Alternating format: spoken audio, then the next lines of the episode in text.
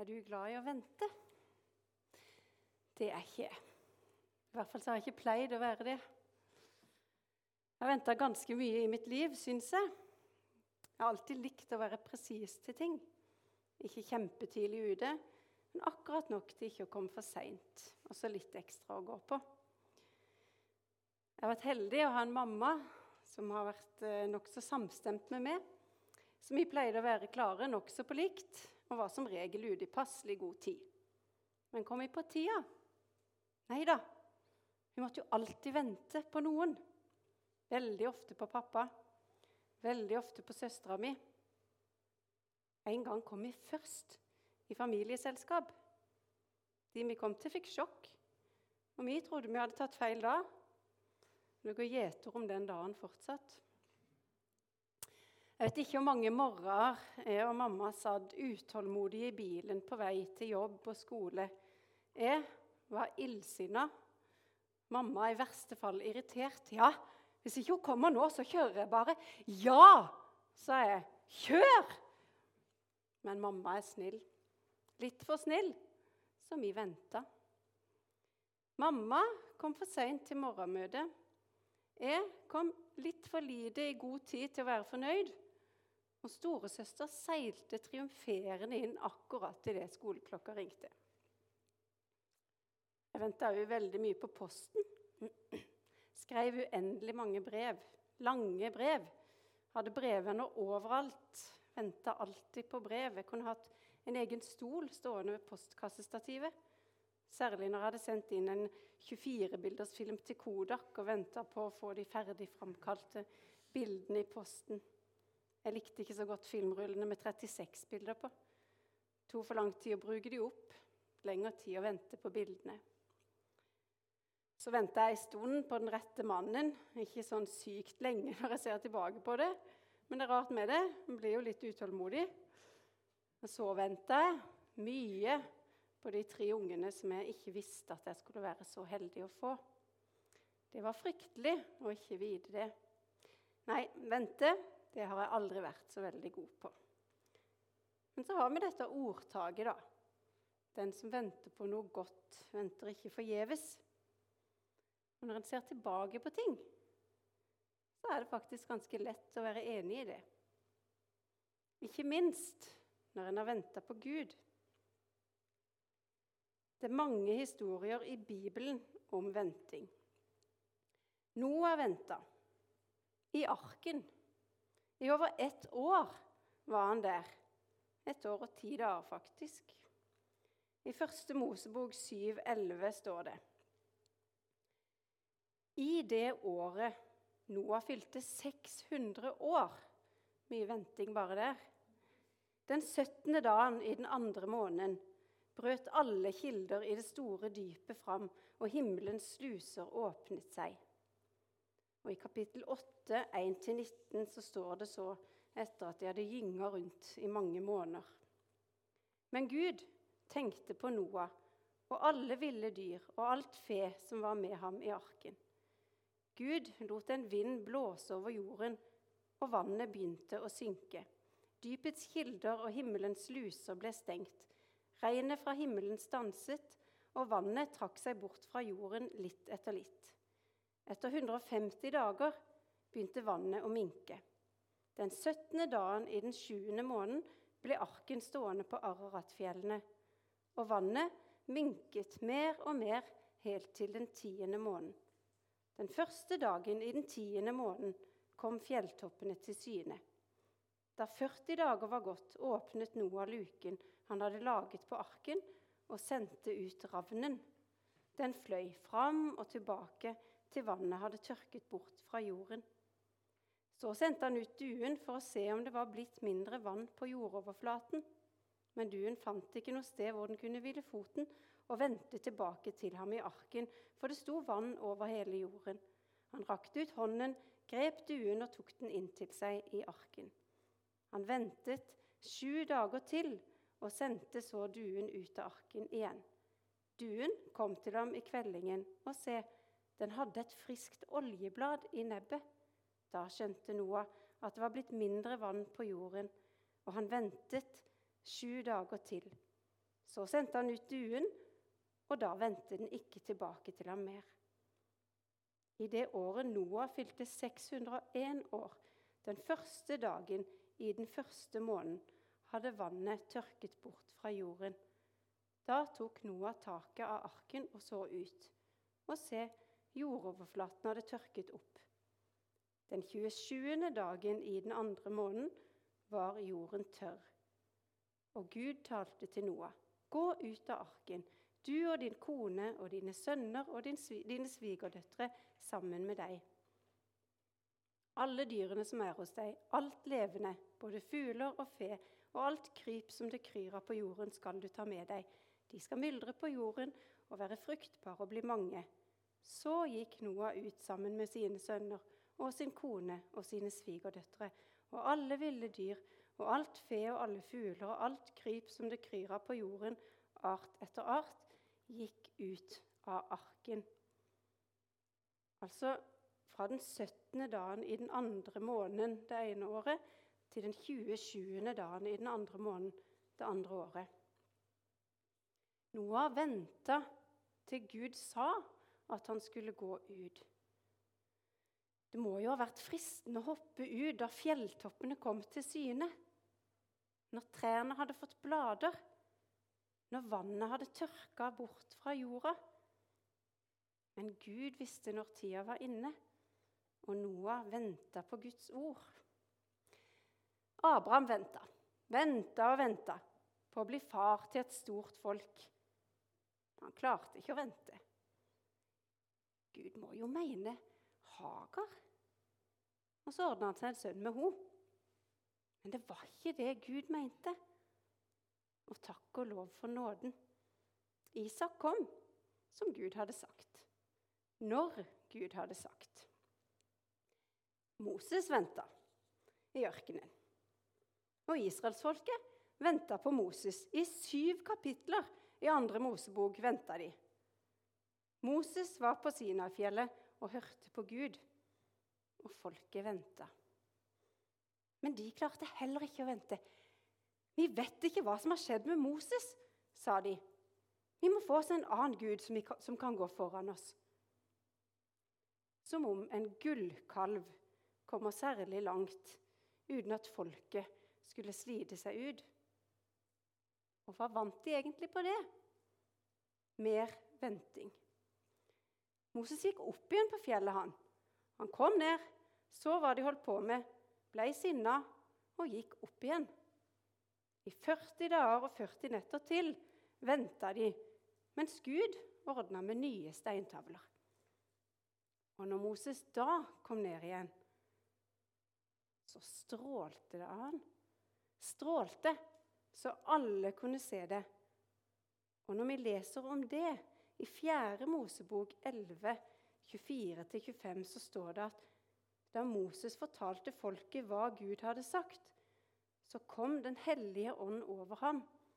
Og det står at Gud tok av den ånd som var over Moses, og ga til de 70 eldste.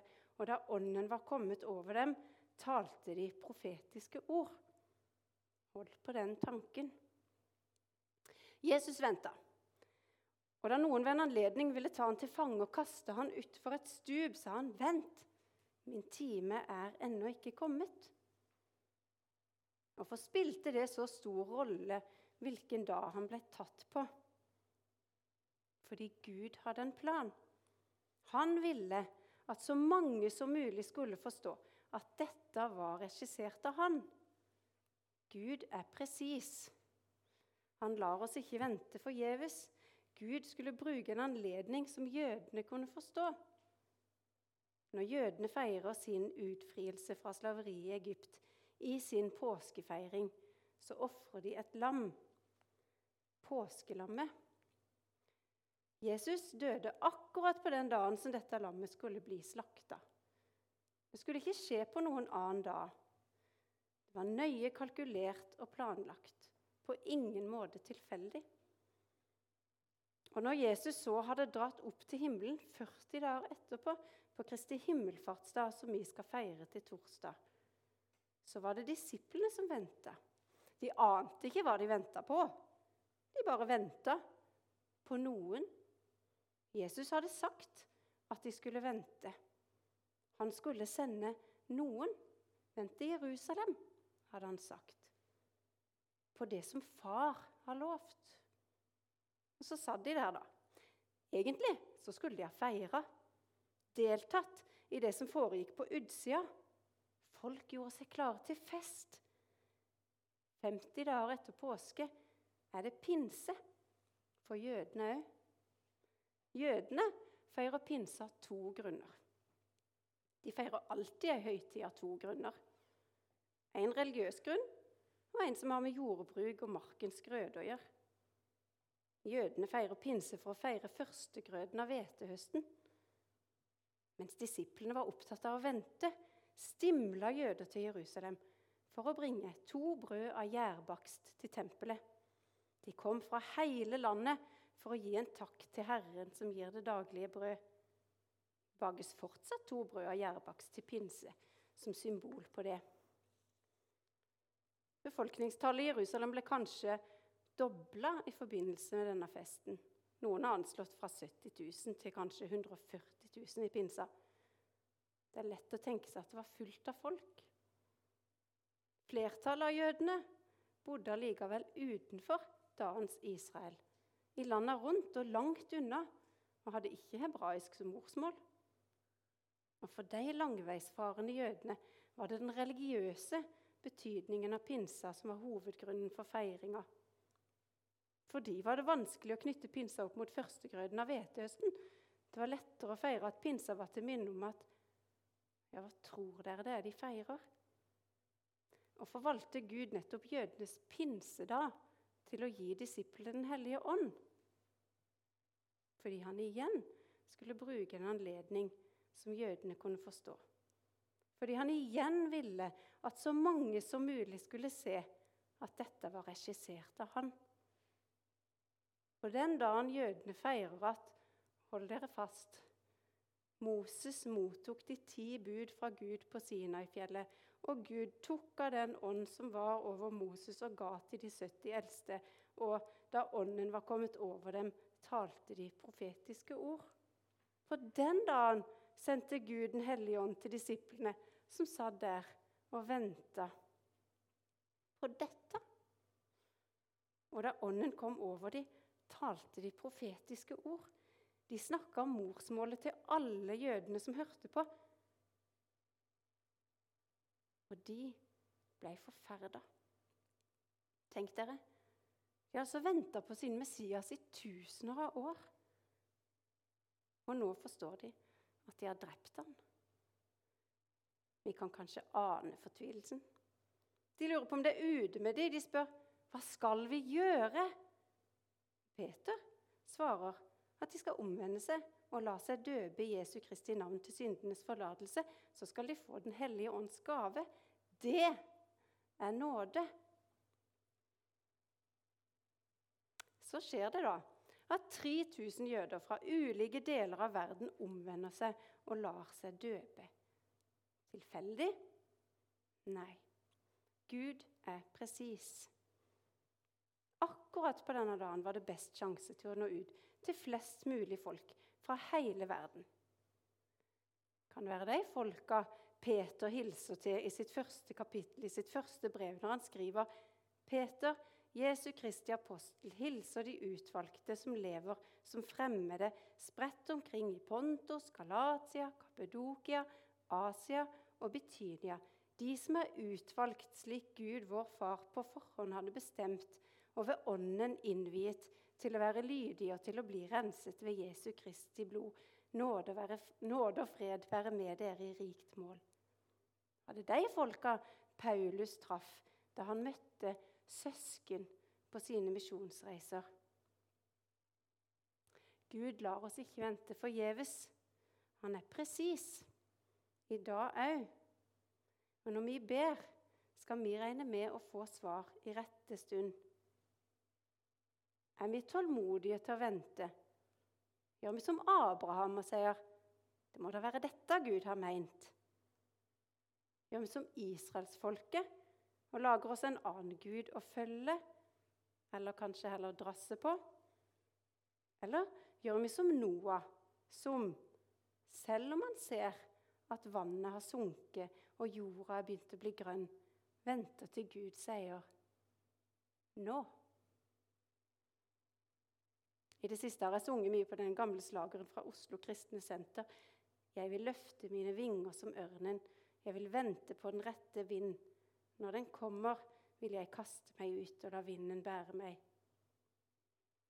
Så er det ikke alltid så lett. Så blir vi noen ganger utålmodige og tar feil.